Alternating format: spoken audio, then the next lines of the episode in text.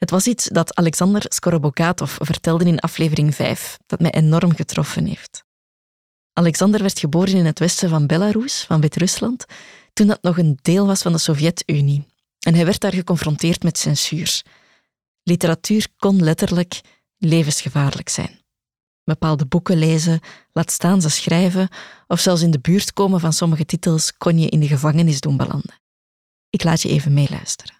Ik heb, ik heb problemen met die luiheid, met die intellectuele, emotionele, empathische luiheid, ja, die uh, op alle mogelijke manieren hier in het Westen, in België, uh, oh, Oké, het, uh, het doet niet zoveel pijn in een land waar het allemaal eigenlijk redelijk goed gaat en al lang.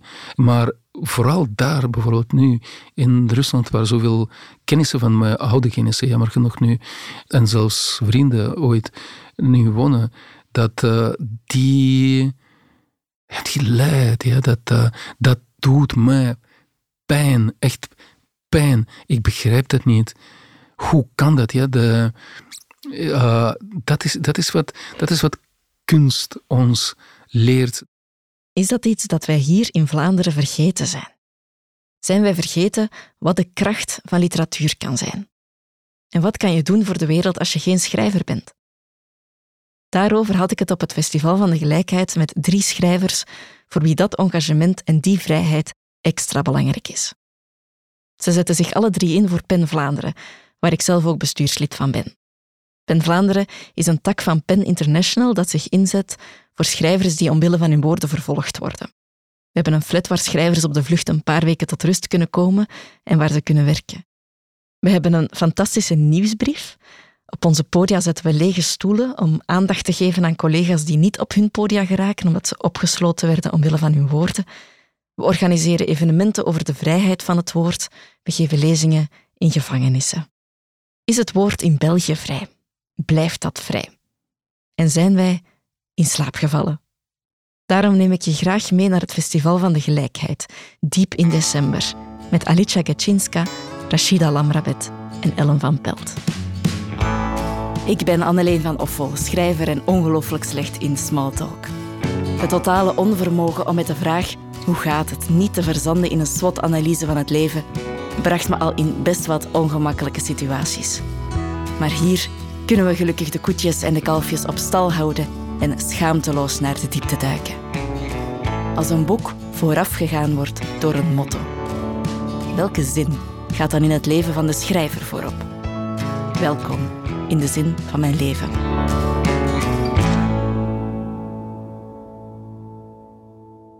Ze draagt zo'n vuur in zich dat waar ze ook komt er wel eens iets spontaan in brand durft schieten. Haar strijdleuze is niet voor niets. Het is niet omdat het niet slechter kan dat het niet beter moet. Haar engagement is puur en komt vanuit een diepe overtuiging. Alicia Getschinska is voorzitter van PEN Vlaanderen, schrijfster en filosofe. Ze was nog maar zeven toen ze met haar ouders vluchtte voor het communisme vanuit Polen en in België een heel nieuw leven moest opbouwen. Dat is relevant voor het gesprek dat ik met haar had. Ik had het met haar over de zin van haar leven, maar als ik haar in één woord moet samenvatten, dan is het wel begeestering. Welkom, Alicia. Dankjewel, Anneleen. Wat roepen die woorden van Alexander Skorobokatov bij jou op? Ik begrijp ze meteen. Ik begrijp van waar ze komen, ik begrijp zijn frustratie um, en ik voel die ook.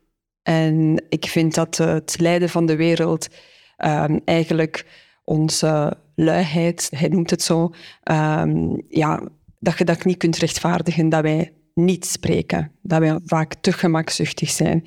Dus ik begrijp zijn woede en zijn boosheid en zijn gekwetstheid.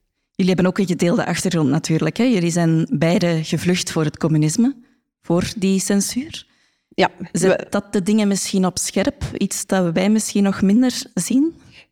Dat kan en dat dat de reden is. Het is wel een feit dat uh, mocht het communisme niet bestaan, mocht er geen censuur zijn, mochten mensen vrij, in vrijheid kunnen leven en in vrijheid kunnen bewegen in, uh, in die tijd toen, dan waren mijn ouders niet gevlucht. Ze zijn wel degelijk gevlucht, um, omdat ze voor hun kinderen een ander leven wouden in vrijheid. Ehm, en ook een land waar zij kunnen zeggen wat ze willen, ehm, schrijven wat ze willen. Mijn ouders waren geen schrijvers, maar het vrije woord was zo beperkt dat je zelfs in je bedrijf uh, buiten niet kon zeggen wat je dacht van het politieke systeem. En soms in familieverbanden durfden mensen niet zeggen wat ze dachten. Um, dus het vrije woord, als het uh, echt beperkt is in een maatschappij, het treft niet enkel schrijvers, dames en heren. Het treft ons allemaal. Um, dus daarom is het belangrijk. Ik zie ook Pen Vlaanderen Um, daarom um, als iets dat voor iedereen opkomt. Onze slogan is schrijvers in pres voor schrijvers. En wij komen voor schrijvers wereldwijd op. Maar wij komen voor het vrije woord op. En als het vrije woord in gedrang komt, als het onvrij is, zijn we allemaal onvrij. Ja, en hoe zie jij die intellectuele luiheid? Wel, die uit zich op verschillende vormen. Hè. Ik denk waar dat hij het over had toen wij schrijven romans en wij krijgen vaak interviews over ons romans, over ons boeken. En heel vaak krijgt een auteur de vraag, ja, heb je een boodschap in je, in uw roman, in je boek, in je film, wat dan ook. En het is echt zeer gebruikelijk dat je, als je naar zo'n interviews luistert, in België en Vlaanderen of in Nederland, hoor je heel vaak mensen zeggen, nee, mijn boek hoeft niks. Mijn boek hoeft niet de wereld te veranderen. Mijn boek hoeft niks te doen. Mijn boek hoeft niks aan te kaarten. Mijn boek moet gewoon mooi zijn. En ik begrijp dat. Een boek mag van mij ook gewoon mooi zijn. Maar het treft mij wel dat als je in Polen dezelfde vraag stelt aan een schrijver van uh, wat doet jouw boek en heeft het een morele lading, heeft het een boodschap? Natuurlijk heeft het een boodschap. Het moet een boodschap hebben. De wereld leidt, vrouwenrechten uh, worden teruggedraaid. Um, er moet zoveel gebeuren, er is zoveel lijden op de plank van, uh, van de wereld. Natuurlijk moeten wij iets doen. Wij hebben een positie. Wij hebben een positie als schrijver in de maatschappij. En hoe meer je kan, hoe meer je moet doen. En het is ook een beetje mijn leuze geworden, uh, hoe ik in het leven sta. Ik vind als mens, het is niet aan mij of aan iemand anders om te zeggen, jij moet dit en jij moet dat doen.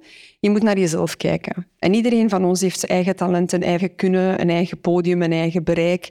En ik vind, uit je eigen kunnen vloeit je moeten. Als een kind verdrinkt en je kunt niet zwemmen, niemand gaat verwachten dat je springt. Maar als je kan zwemmen, ja dan wel. Snap je? Dus je, je, moet naar jezelf kijken. En ik vind dat het maken van kunst u niet ontslaat van iets meer. Om eens naar die leuze te gaan. Wat is de zin van je leven, Alietje? Um, ik heb er veel zinnen van mijn leven. Um, het is niet één waar ik uh, uh, naar leef of zo. Maar ik heb een, een, boek geschreven een paar jaar geleden over mijn uh, politiek engagement. Dat eigenlijk hetzelfde is als mijn penengagement. Ik maak daar geen onderscheid in. Um, en uh, als ondertitel had ik Intussen komen mensen om. En dat is een dichtregel van uh, de Poolse Nobelprijswinnares, dichteres uh, Wisława Szymborska. En het is een gedicht over politiek, over hoe dat alles met elkaar verweven is. Um, en daarin eindigt ze, intussen kwamen mensen om. Maar ik heb kwamen in komen veranderd, omdat intussen mensen omkomen. Wij praten nu, wij zitten hier uh, in de mooie domzaal in Gent. Uh, maar nu komen er mensen om in Gaza, nu komen er mensen om in andere delen van de wereld. Kinderen uit Oekraïne worden gedeporteerd. Uh, er is echt heel veel lijden en dat mogen we nooit vergeten. Nee, terwijl wij hier nu gezellig zitten te praten, uh, komen die mensen om. Dat is een heel dwingende zin. Hè? Die zetten het allemaal wel onder druk. En uiteindelijk komt die ook gewoon maar uit een gedicht, zou je dan denken. Dus de schrijver schreef het gedicht en het gedicht ging zijn leven leiden. Maar dat is niet genoeg. Het is moeilijk om te zeggen, is een gedicht genoeg? Ik, ik ben de eerste die zal zeggen dat een zin een leven kan redden. Je moet maar dagboeken lezen uit de gulagkampen. Er zijn mensen die staande blijven, die in het leven blijven geloven door die ene zin, door één muziekstuk. Dus kunst is van onschatbare waarde. Wat ik gewoon zeg, is dat het is niet omdat ik een gedicht schrijf, dat ik dan zeg, oh, nu heb ik een gedicht geschreven, nu kan ik op mijn lauweren rusten. Nee, het is niet omdat ik een gedicht heb geschreven, omdat ik met schoonheid bezig ben, met woorden bezig ben, dat het mij ontslaat van mijn plicht om iets anders te doen, om mij te engageren. En dat is het verschil. Dus het schrijven is voor mij uh, niet voldoende, als het ware, om rustig, gewetensvol in slaap te kunnen vallen. Ja. Bij de vorige verkiezingen heb je je ook kandidaat gesteld voor de Europese lijst uh, voor de Vlaamse Liberalen. Ehm, je hebt daar dus een boek over geschreven met de titel Intussen komen mensen om, omdat je daar heel erg slechte reacties op hebt gekregen, op die kandidatuur. Ja, ehm, ik stond als onafhankelijke. Uh, ik vind dat heel belangrijk om dat te blijven benadrukken, want ik heb nooit een partijkaart gehad. Ik ben uitgenodigd om als filosoof uh, een plaats in te nemen met mogelijk om in dat parlement te zitten. Waarom zou ook niet een schrijver in dat parlement kunnen zitten um, of een filosoof? Um, dus natuurlijk is daar ook onze plaats om mee na te denken. Niet enkel aan de zeilen. Het kan de zeilen zijn, maar waarom ons altijd um, verplichten tot maar één vakje, een hokje? Wij kunnen ook mee ergens anders uh, verschil proberen maken. En toen dat dus uh, bekend werd, waren mensen, uh, of hebben mensen zich van hun fraaiste kant laten zien. Dan dacht ik, mannetjes, zij blij. Zeg dank u. Iemand engageert zich. Iemand doet iets. Iemand wil zijn vrije tijd uh, daarin steken. Dat is... Ja, mijn, mijn uh, romans en mijn gedichten zijn zeer belangrijk. Maar ik heb ook een kunnen. En dat kunnen is, ik vind, dossierkennis, u engageren. Uh, ik zou tegen een Orban echt wel durven ingaan. Ik ben daar niet bang voor. Dus als ik het gevoel heb van, ik zou dat best wel kunnen, ik heb daar eigenlijk wel zin in, dan denk ik, daar vloeit daar mijn moreel moeten uit voort. Uh, Vlaanderen heeft anders beslist en nu schrijf ik terug boeken. Ja, ik had jou trouwens heel graag zien uitvliegen tegen Orbán. Ik, had, ik, ik, moet zeggen dat ik echt heel, elke keer als ik die man zie, denk ik, tje toch. ja. Um, van waar komt toch dat diep geworteld wantrouwen tegen de politiek dan? Want je was ook bang om lezers te verliezen, schrijf je. Um, dat zit toch diep, hè? Ja, de politiek um, verdient soms bekeken te worden met een zekere sceptisch. En het gaat ook niet allemaal goed. Hè? Maar ik word ook, als ik naar de politiek kijk, word ik er soms ook zeer droevig van. En van thuis uit heb ik een, een zeer negatief beeld over politiek meegekregen. Ook dat het een corrupt systeem is, dat je geen verandering teweeg kunt brengen. dat daar ook geen goede mensen in zitten. Maar ik heb ook drie kinderen op de wereld gezet. En nu kun je of erbij blijven klagen en zeggen je kunt niks veranderen en het is allemaal slecht en het is allemaal corrupt en je gaat gewoon een self-fulfilling prophecy ervan maken. Of je kan zeggen van ik ga het misschien anders proberen doen. En ik, ik ben het mijn kinderen verschuldigd, vind ik, en bij uitbreiding aan alle kinderen op de wereld, om in de toekomst te geloven. Want maakt u geen illusies, hè? Wij kunnen politiek haten, we kunnen politiek niet leuk vinden, maar zij beslissen over bijna alles. Het water uit je kraan, de lucht dat je inademt. Dat is een politieke beslissing. Daarover gaat ook het gedicht van Wisława Szymborska. Het zijn politieke beslissingen wie in vrijheid gaat leven en niet. En als mensen denken dat het niet zo is, dan zou ik zeggen, ga nu naar Iran. En je zult wel zien, een politieke hemel bepaalt hoe dat je kleedt, wat dat je kunt zeggen, of dat je kunt autorijden, of dat je kunst moet maken, kunt maken, mocht maken. Dus ons, ons politiek is tekent de contouren van onze vrijheid. En als je geeft om vrijheid, als je geeft om je medemens, dan ben je politiek betrokken. Voor mij vloeit dat daar bijna uit voort. Ja. Je bent uh, helaas niet verkozen geraakt. Um, dus je werd eigenlijk teruggedirigeerd naar, naar je bureau, naar die zijlijn waar je over schrijft. Hoe vind je daar opnieuw zin in?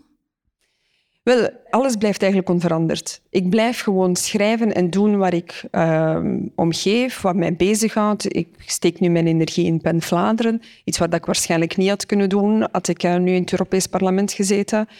Um, ik blijf schrijven, ik blijf opiniestukken schrijven, ik blijf in dialoog gaan, ik geef les aan studenten. En, en op die manier probeer ik het wel verandering te brengen. Maar dat kun je op zoveel manieren doen. Um, en ik hoef echt niet op de, degene zijn die op de voorgrond staat. Ik zou niet liever hebben, moesten meer filosofen of schrijvers zich engageren, dan zou ik tenminste weten op wie dat ik moet stemmen. hoe, hoe ziet dan concreet dat engagement eruit? Wat, wat is echt een, goed engagement voor jou? Terug, dat kan verschillende vormen aan, aannemen. Hè. Een goed engagement dat kan zijn hoe je naar je kinderen bent, hoe je je kinderen opvoedt. Uh, dat kan zijn hoe je je buren helpt. Um, dus dat engagement is niet altijd een column in de krant hebben. Er zijn columnisten die heel weinig engagement hebben, maar heel veel schrijven.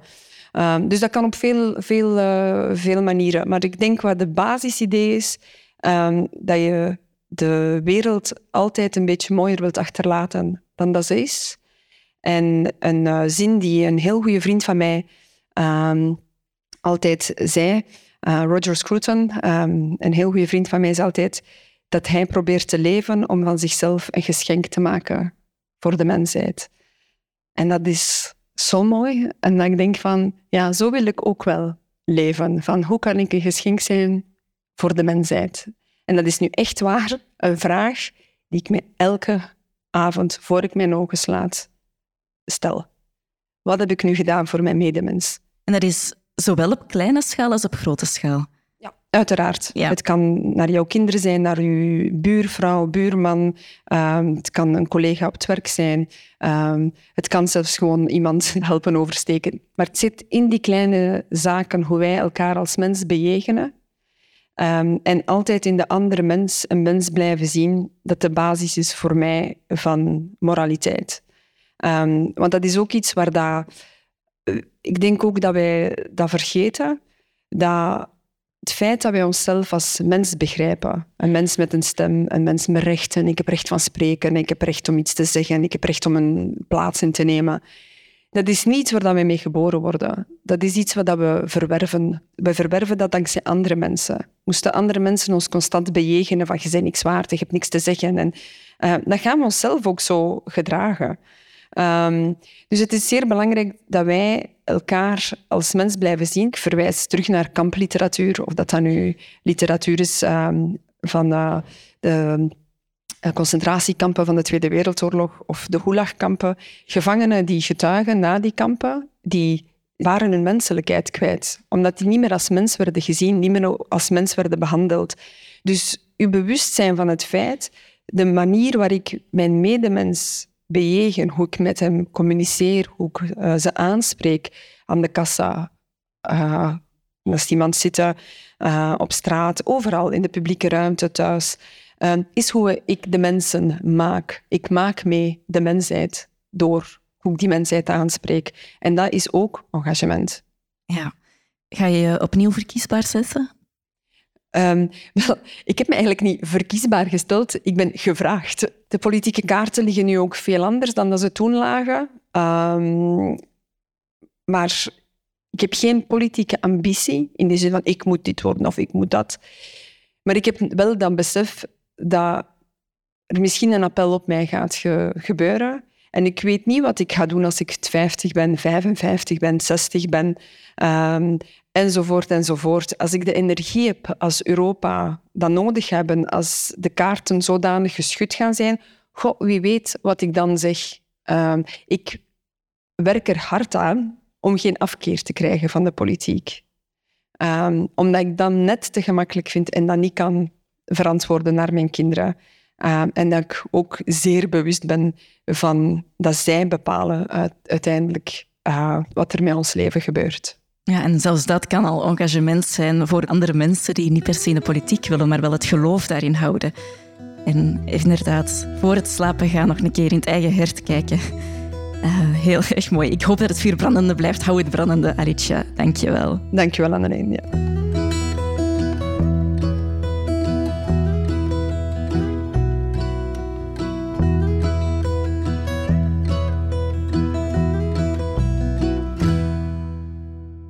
Op haar paspoort staat Ellen van Pelt, maar in haar huid gaan veel personages schuil.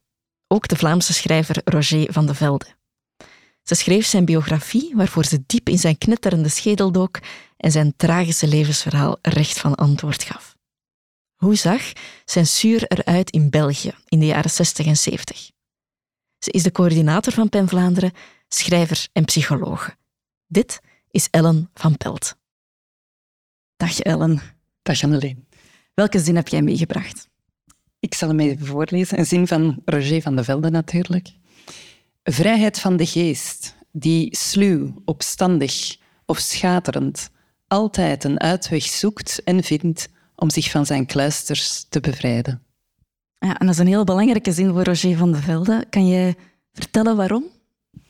Uh, het is een zin die hij schreef toen hij van zijn vrijheid beroofd was, toen hij in die gevangenis zat. Um, en ik denk, ja, voor hem is die vrijheid van geest net wat dat hem heeft rechtgehouden tijdens zijn gevangenschap.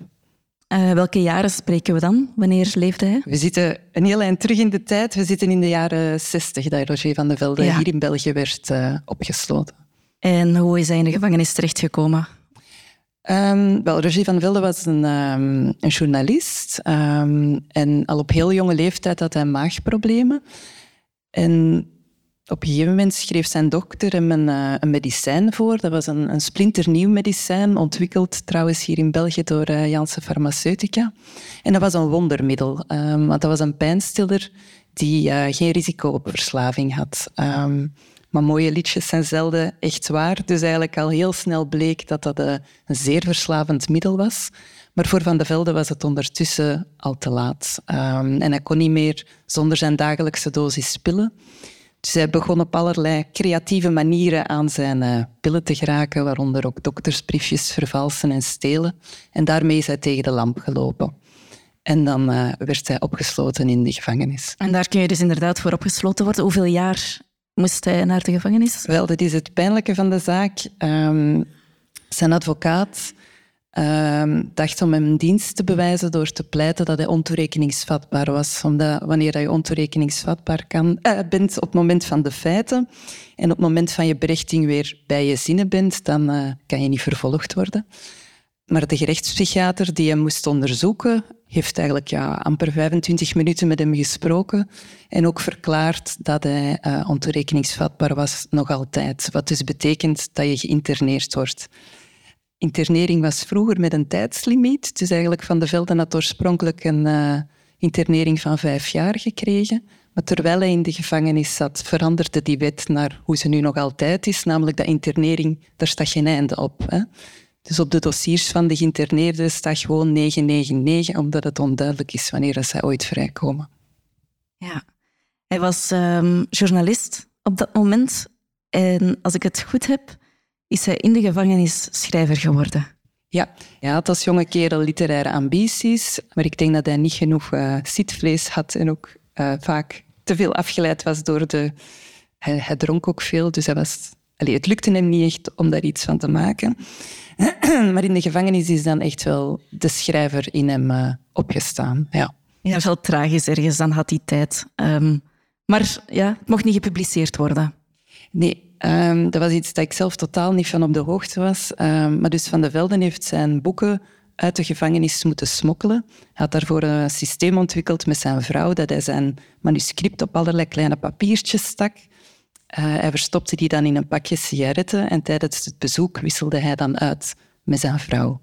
Die vrouw nam dat dan mee naar huis en zijn dochter typte dat dan uit. Dat was zo'n heel uh, netwerk.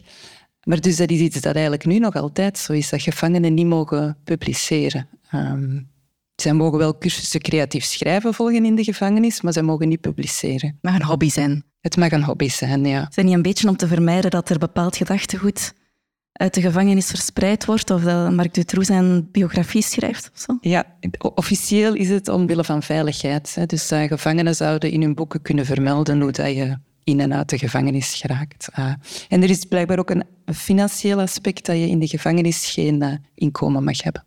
Ja, want je verdient natuurlijk sloten geld met literatuur.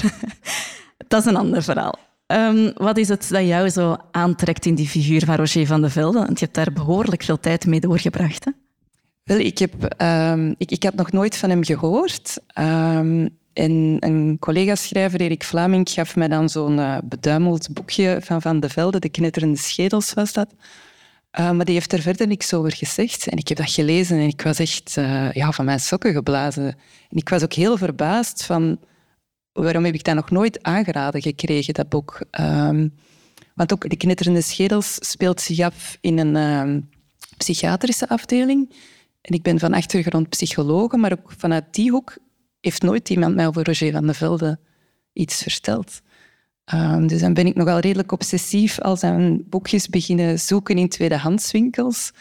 Uh, en dan ja, meer en meer beginnen lezen. En op een gegeven moment had ik zoiets van... Zou die niet iets constructief met die uh, obsessie doen? En kun je daar dan de vinger op leggen? Wat, dat dan, wat de kern is van die obsessie? Ah, ik weet het niet. Er was zo'n soort... Um... Want dat is een man die dus... Uh, decennia voor mij leefde. Maar ik voel daar een, uh, een connectie mee. In, in zijn woorden ook, in, in zijn, zijn zoeken, in zijn schrijven, uh, ook in zijn, zijn kwaadheid, zijn frustratie over, onrecht. Um, ja, een soort van zielsverwant over de tijd heen. Ja. De biografie heette De wereld is geen ergernis waard. Waar komt die zin vandaan? Wel, als journalist was Van de Velde heel geëngageerd. Hij schreef altijd over mensen die wat aan de rand van de maatschappij stonden. In die zin komt uit een column, een cursiefje, over een, een, jonge vrouw die in een ziekenhuis vermoord werd, dus in haar ziekenhuiskamer, en heel gruwelijk. En dat was toen ja, voorpagina nieuws en iedereen was verontwaardigd dat, dat een jonge vrouw in een ziekenhuis vermoord werd. Maar toen na een paar dagen bleek dat de jonge vrouw uh, een prostituee was, veranderde eigenlijk heel die berichtgeving. Het was alsof dat, dat eigenlijk niet zo erg was, of omdat dat een prostituee was. En zij is dan eigenlijk in alle eenzaamheid uh, begraven in Antwerpen op het Schoonse Lof. En Van de Velden is naar die begrafenis geweest en heeft voor haar dat cursiefje geschreven. En hij eindigde met te zeggen, deze wereld is geen ergernis waard. En wat bedoelde hij daar dan mee? Ik denk dat het wat... Uh, ja, naar haar toe bedoelde hij van je hebt genoeg geleden, je moet je nu niet meer druk maken. Maar ja, hij ergerde zich voortdurend aan, uh, aan de wereld en aan het onrecht. Het lijkt mij eerder ironisch bedoeld. Uh, Als we het dan hebben over geëngageerde schrijvers. In de gevangenis kan je natuurlijk niet op de barricade gaan staan. Nee. Ja, daar, ook daarin moet hij zich best wel opgesloten gevoeld hebben, denk ik. Ja, ik denk dat Van de Velle sowieso iemand was die niet zo hield van op de barricades uh, staan. Um, maar het was wel iemand die in zijn schrijven tegen dat onrecht uh, ging schrijven. En uh, hij heeft zich uh, ook vrijgeschreven. Dat was zo een van de dingen, als ik dan zijn leven doorliep, dat ik ze ook zo krachtig vond, dat hij eigenlijk door het woord zichzelf heeft vrijgeschreven. Hoezo? Kan je dat uitleggen? Ja, hij heeft op het einde van zijn gevangenis een, een pamflet geschreven, recht op antwoord. Um, waarin dat eigenlijk het uh, interneringssysteem in België aanklaagt. Een systeem dat eigenlijk nog altijd uh, even verschrikkelijk is. Um, en waarin dat hij ook um, het heeft over, over censuur hier in België. En ook met wat dat hem overkomen is, dat hij niet mag schrijven in de gevangenis, dat hij zelfs geen typemachine mag hebben. Uh, en ineens was hij ook zelf voor pagina nieuws met. Er zijn dan een heel aantal schrijvers die voor hem actie zijn beginnen voeren. En de minister van Justitie is dan ook zelf naar uh, de gevangenis van Merksplas gegaan om die gevangen schrijver uh, te spreken. En dat heeft er eigenlijk allemaal toe geleid dat hij vrijgelaten is uiteindelijk. Ja, en hoe is dat, heeft dan de rest van zijn leven er nog uitgezien? Wel, dat was bijzonder kort. Uh, hij is vrijgelaten in uh, april 1970. Um, dan in mei heeft hij nog de Arkprijs voor het vrije woord ontvangen. Uh, maar dan een paar weken later is hij overleden op een Antwerps terras. Want allee, Van der Velde had dus een zware verslaving aan, aan dat middel, palfium. En al die jaren in de gevangenis is daar nooit enige vorm van begeleiding of van hulp uh, voor zijn verslaving geweest. Hij probeerde wel. En er was eigenlijk een, um, een opname gepland in Nederland, omdat er in België op dat moment geen psychiatrische afdelingen waren die voor verslaafden. En vlak voordat hij naar zijn opname ging, heeft hij gedaan wat dat elke verslaafde doet. Zo nog eens ene keer er goed invliegen en dat is hem fataal geworden. Leon, tragisch. Ja, tragisch. Ja, ja. ja. Hoe, zou je, hoe kijk jij naar, naar het engagement van schrijvers vanuit het perspectief van Roger van de Velde?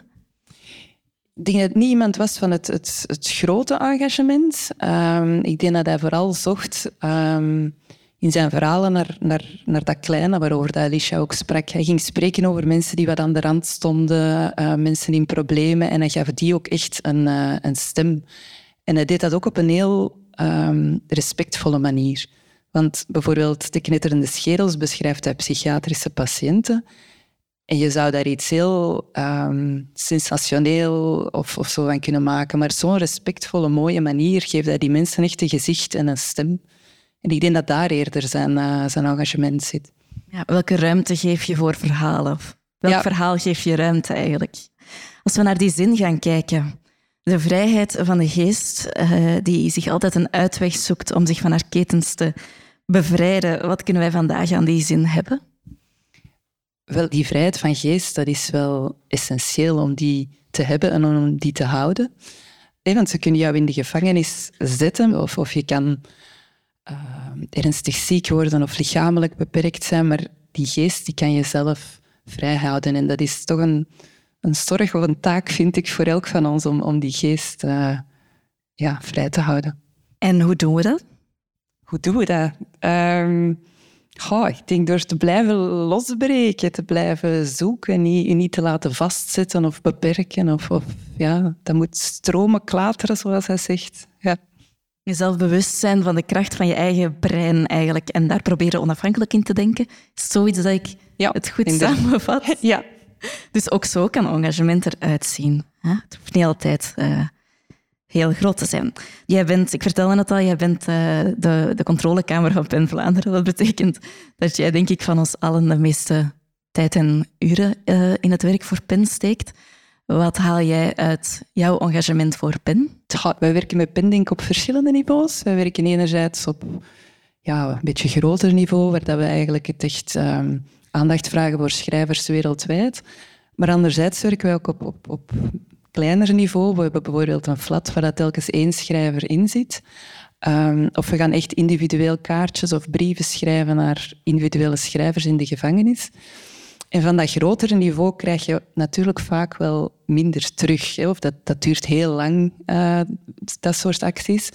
En daarom is dat kleinere niveau ook wel heel belangrijk. Bijvoorbeeld een schrijver die in die flat zit en die zegt van eindelijk, eindelijk heb ik terug kunnen schrijven. Want vaak zijn die mensen ook... Um, dat zag je ook bij Roger van de Velde. Het is niet dat hij in de gevangenis zat en direct rustig begon te schrijven. In het begin, je leven staat overhoop en dan is die vrijheid er niet. Maar wanneer ze dan bij ons in de flat komen, vinden ze vaak toch terug die ruimte om, om te schrijven.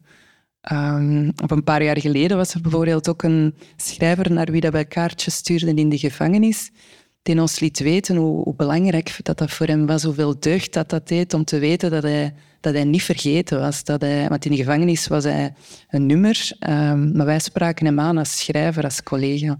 Dan zie je ook echt heel concreet wat je doet. Hè? Dan haal je het ook een beetje uit het theoretische.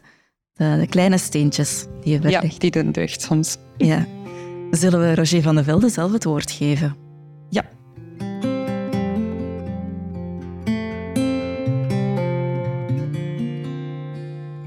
Ondanks de onvermijdelijke beperkingen van zelfstandigheid, initiatief en persoonlijkheid die nu eenmaal inherent zijn aan elk tuchtregime, gaat het leven in de gevangenis onstuitbaar verder. Omdat geen enkel systeem er ooit in geslaagd is en er nooit in zal slagen, de menselijke natuur te steriliseren. Daarom is het misschien nodig in de gevangenis te komen om de essentie van de vrijheid te ontdekken zoals men een zoete vrucht proeft uit de bittere kern. Vrijheid van het hart dat zich vastzuigt aan liefde en hoop of verschrompelt aan verbittering en wanhoop, maar dat zelden berust.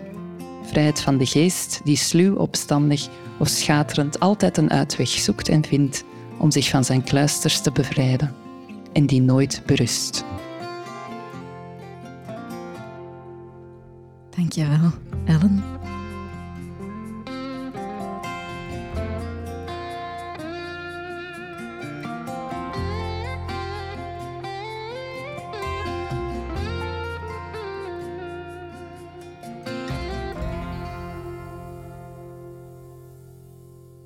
Zwijg allochtoon, dat is de titel van een van haar boeken. Maar godzijdank laat ze zich niet het zwijgen opleggen, al is dat wel geprobeerd. Want wat Rashida Lamrabe te vertellen heeft, is ongemakkelijk, weerbarstig en zo nodig. Rashida is schrijver van diverse boeken zoals Vrouwland en Vertel het iemand, van theaterwerk en ze is juriste. Welkom Rashida. Wat is de zin Dankjewel, van jouw Annelien. leven? Zal ik hem voorlezen. Dank je. Dat is een zin uit het uh, boek van Toni Morrison, uh, Beminde, Beloved in het Engels. Misschien de, context heel kort schetsen. Um, hier gaat um, Seth, de, een van de hoofdpersonages uit het boek, is een vrouw die uh, tot slaaf gemaakt is geweest, die erin geslaagd is om te ontsnappen en die nu uh, ja, in, in, vrijheid leeft en die eigenlijk uh, uitlegt aan uh, haar partner Paul D. Um, wat het verschil is tussen liefhebben en leven gewoon te koer wanneer je niet vrij bent en wanneer je wel vrij bent. En daar is dus een fundamenteel verschil in. Hè. Het of genieten van, van de zon of genieten van het gekwetter van vogels. Zij zegt daar is een immens verschil in uh, of je dat nu doet als vrije mens of als mens die onvrij is omwille van uh, ja, omstandigheden, omwille van dat vreselijke systeem dat slavernij heet. En ze legt dat uit en bij hem begint dat dan ook wel door te dringen, dat, ja, dat daar wel iets in zit. En, en, en hij herinnert zich ook een aantal zaken uit zijn leven waar hij inderdaad um, zich realiseerde dat hij niet ten volle kon genieten van bijvoorbeeld de geur van bloemen of, uh, of een vriendschap. Hij wist precies wat ze bedoelde als je ergens kwam waar je kon houden van wat je maar wilde, zonder dat je toestemming nodig had of begeerte. Dat was nauw vrijheid. Wauw, aangezien. Toni Morrison, ook uh, Nobelprijswinnares van de literatuur geen mopje maken, ze zijn hier allebei. Uh, de twee vrouwen, maar er zijn er intussen wel iets meer natuurlijk. Nog altijd heel weinig hoor, helaas. Um, ja, schrijfster van hele grote Amerikaanse werken. Uh, grote klassiekers ook intussen. Wat betekent die zin voor jou, Rashida? Wel, ik, ik denk dat het echt wel gaat naar de essentie. Hè? Uh, naar de essentie van um, wat um, vrijheid vermag in een mensenleven. Wat dat betekent eigenlijk. Hè? Je kan, en, in, in, in dit boek um, zie je die tegenstelling natuurlijk heel erg scherp. Hè, van tot uh, mensen die niet vrij waren en die inderdaad al hun gevoelens en emoties heel klein moesten houden en die dus niet ten volle konden leven, niet ten volle konden van iemand houden, omdat dat elk moment kon veranderen. Hè. Een vrouw kon niet houden van haar kinderen zoals een normale moeder, omdat zij weet, elk moment kunnen die kinderen doorverkocht worden of of nog erger, vermoord worden. Dus men had een soort reserve ingebouwd in, in, in gevoelens, in, in het echt een volle, volle leven, omdat men niet vrij was. Omdat men daar niet volop kon, kon beslissen over de eigen gevoelens, de eigen gevoelens gewoon de vrije loop geven. En je kan dat alleen maar doen die, die, wanneer je meester bent volledig over je eigen uh, bestaan. En daar is dus wel een, een, een, verschil. Er is een verschil in hoe kleuren ervaren worden. Of je nu vrij bent of, of, of niet vrij bent. Er is een verschil hoe je geur ervaart. Hoe je een relatie uh, tussen partners uitbouwt. Als je nu vrij bent of niet, niet vrij. En dat, dat beschrijft zij meesterlijk in, in, in dit boek. Het mooie ook is aan Toni Morrison... En dat is waarom dat zij een van mijn um, schrijfmoeders is, is dat um, Toni Morrison, die put voor haar literatuur ook in de geschiedenis. Hè? Want zij, zij is echt een soort van uh, chroniqueur van uh, het vreselijke slavernijverleden van de Afro-Amerikanen, die, die slachtoffer zijn geweest van die industrie, van die transatlantische slavernij. En zij is uh, een van de schrijfsters die echt wel die geschiedenis beschrijft, uitpuurt, her, terugbrengt naar haar essentie, namelijk het gaat over mensen. En um, daar ook iets interessants over vertelt. En dit boek bijvoorbeeld, Beminde, is nog, nog belangrijker voor mij, omdat Toni Morrison hier eigenlijk een waar gebeurd verhaal uh, in verwerkt heeft. Of dat is een waar gebeurd verhaal heeft als basis gediend voor dit boek. En, en ze heeft ergens een artikel gevonden over een, een tot slaaf gemaakte vrouw, Margaret Garner die in 1856, geloof ik, um, erin is geslaagd om te ontsnappen met haar kinderen, te vluchten van haar uh, misbruikers, van de slavenhouders.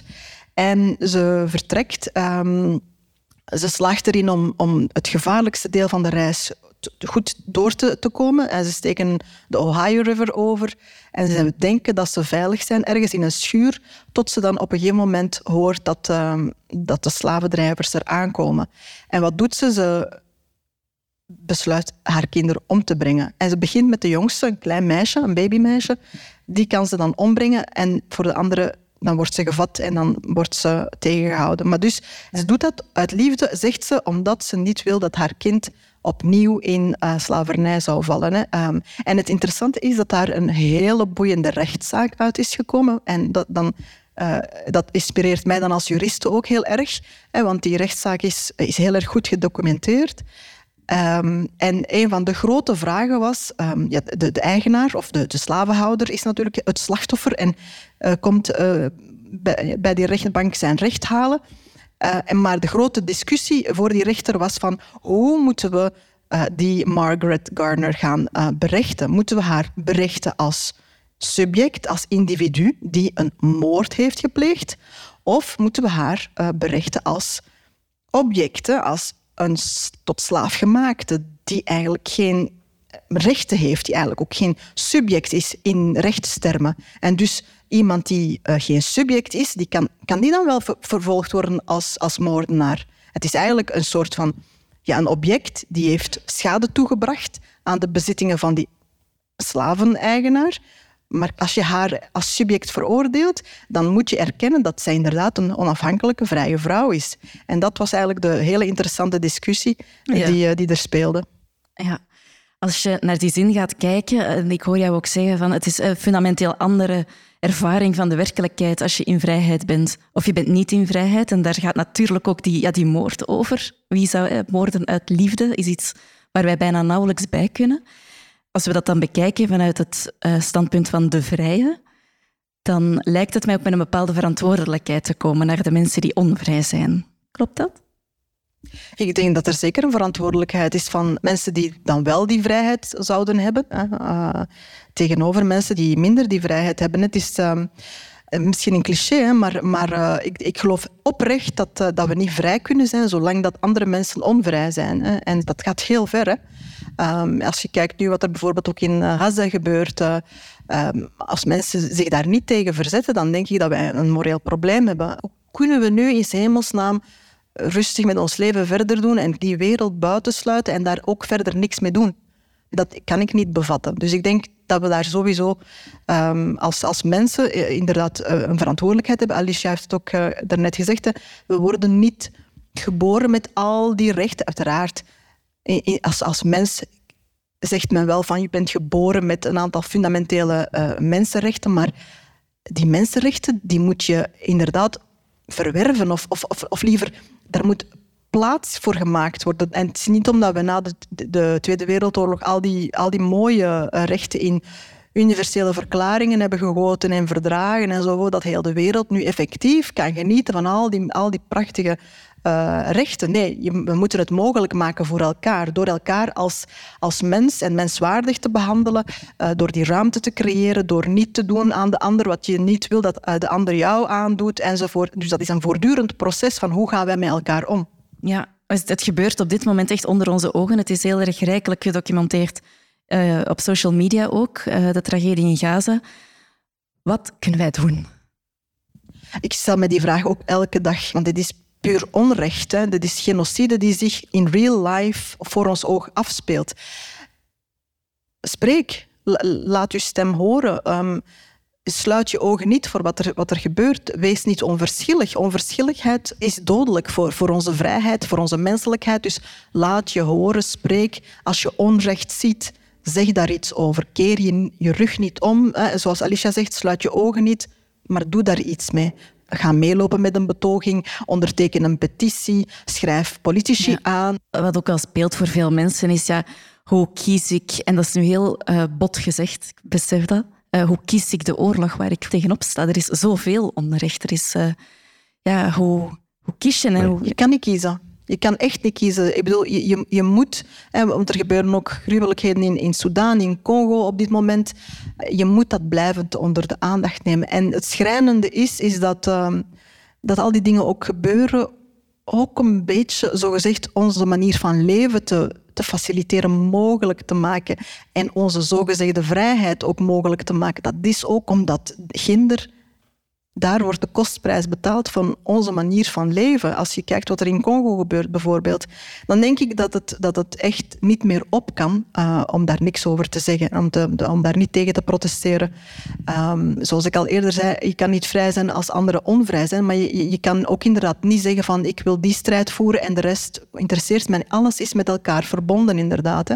Als je het hebt over Congo, dan heb je het ook over, over het klimaat. Als je het hebt over um, Sudan, uh, dan heb je het ook over vrouwenrechten. Dus al die dingen zijn allemaal met elkaar uh, geconnecteerd. En dus moet je een integrale aanpak doen, moet je eh, je bewust zijn van het onrecht overal in de wereld. En kan je inderdaad gaan, niet, gaan selecteren van oké, dat is wat ik nu wil doen. Ja. Dus het gaat ook over inlezen, het gaat ook over kennis. Als ik het goed begrijp, het gaat over weten. Maar ik denk dat we genoeg weten. Hè? Als we kijken naar de beelden die we binnenkrijgen via sociale media, vaker via sociale media dan via de reguliere media, want daar worden de beelden wat gefilterd hè, voor ons, om ons niet te choqueren. Uh, maar uh, we weten wat er aan de hand is.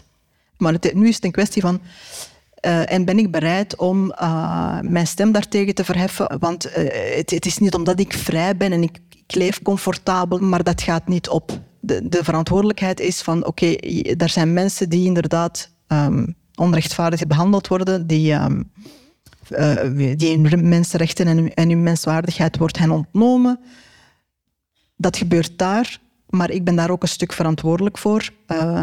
al was het maar omdat... Um, wat daar gebeurt, kan ook met u gebeuren. En dan zou je het ook heel fijn vinden dat er mensen zijn daar die het opnemen voor jou. Ja.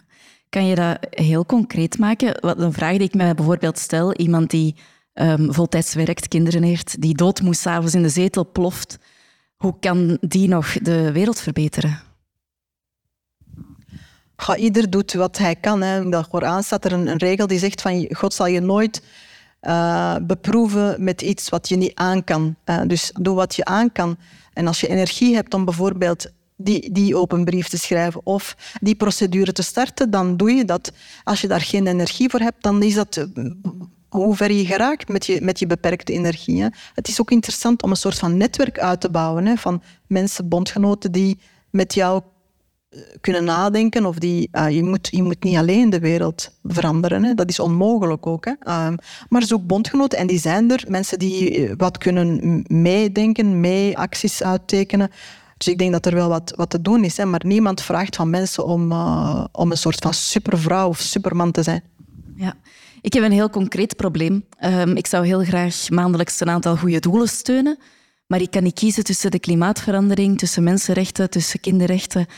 Hoe, hoe, hoe zie je dat bijvoorbeeld? Um, het, het geldelijk steunen van goede doelen? Eén goed doel kiezen en daar een grotere som aan doneren, of verschillende kleine, maar wat dan met de mensen die je niet steunt? Ja, dat is inderdaad ook een moeilijke. Maar wat ik hoopvol uh, vind, is dat bijvoorbeeld in de klimaatbeweging. Uh, dat, ze die intersectie wel maken. Hè. Uh, zeker hier in België. Ik denk niet overal, niet overal in Europa, niet overal in de wereld. Maar dat ze wel um, die intersectie maken tussen klimaatrechten, kolonialisme, vrouwenrechten, kinderrechten enzovoort. Die verwevenheid is voor, voor heel wat mensen in, in België die actief zijn binnen die klimaatbeweging een evidentie. En je ziet dat bijvoorbeeld met de acties die nu uh, Anuna de Wever um, heeft uh, gedaan voor, uh, um, voor die, um, dat Elbit, groot dat bedrijf, ja. dat, dat, dat, dat, drones maakt en onderdelen voor het Israëlische leger, waar ze zijn gaan protesteren om, om te zeggen van dit is niet correct. Dit moet stoppen. Die moeten eigenlijk tegengehouden worden met dat materieel uit te voeren naar, naar een land dat bezig is een bevolking uit te roeien. Um, maar zij is actief in de klimaatbeweging. Dus zij maakt heel duidelijk wel die, um, die, uh, die link. En ik denk dat dat de, de weg naar, naar voren is. Hè. Dat je inderdaad um, al die verschillende uh, goede doelen of strijden, uh, dat je die eigenlijk met elkaar moet gaan verweven, omdat het niks losstaat van elkaar. Hè. Als je het hebt over vrouwenrechten, dan ga je het ook hebben over... hoe het, het, eh, klimaat uh, wordt, uh, wordt uitgebouwd. Ga je kijken naar hoe, wat is de, de situatie van etnisch-culturele minderheden in die streek. Dat, dat zijn dingen die echt wel connecteren met elkaar en die je dus niet kan gaan, zoals we vroeger altijd deden. Hè. We, we gaan de vrouwenstrijd supporten. Maar ondertussen vergeten we uh, de rechten van etnisch-cultureel minderheden bijvoorbeeld. Dat gaat dus niet. Je gaat die dingen ook echt wel samen moeten gaan nemen. En dat, dat gebeurt denk ik uh, vaker en vaker. Um, en je, je ziet ook dat heel veel strijden ook bewust zijn van het, het gevaar dat er ook is als je die strijden ook apart gaat bekijken. En als je het hebt over de rechten van de, de Hollyby-gemeenschap. Um, als je alleen maar daarop focust, dan zie je ook wel dat uh, het gevaar ook is dat um, die strijden ook misbruikt kunnen worden door, voor politiek gewin, om, om mensen uh, op te delen, om mensen tegen elkaar op te zetten enzovoort enzoverder. Dus ik denk, het goede is dat dat ehm, aan het veranderen is. Ja, wanneer is het genoeg? Wanneer doe je genoeg?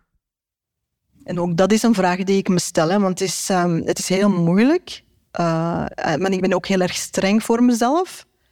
Maar ik denk dat, ik, uh, ja, dat je ook soms een beetje mild mocht zijn voor jezelf. Je bent niet volmaakt. Um, en je moet maar doen wat, wat in je mogelijkheden ligt. Samen met anderen. Ja, dankjewel Rashida.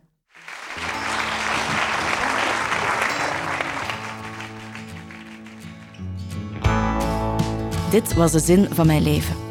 Een podcast van Curieus in een productie van House of Media en ik ben Anneleen van Offel. Wil je de zin van je leven zeker niet missen? Volg ons dan op Spotify of op je favoriete podcastkanaal. Daar kan je ook een review achterlaten of tip ons aan je vrienden.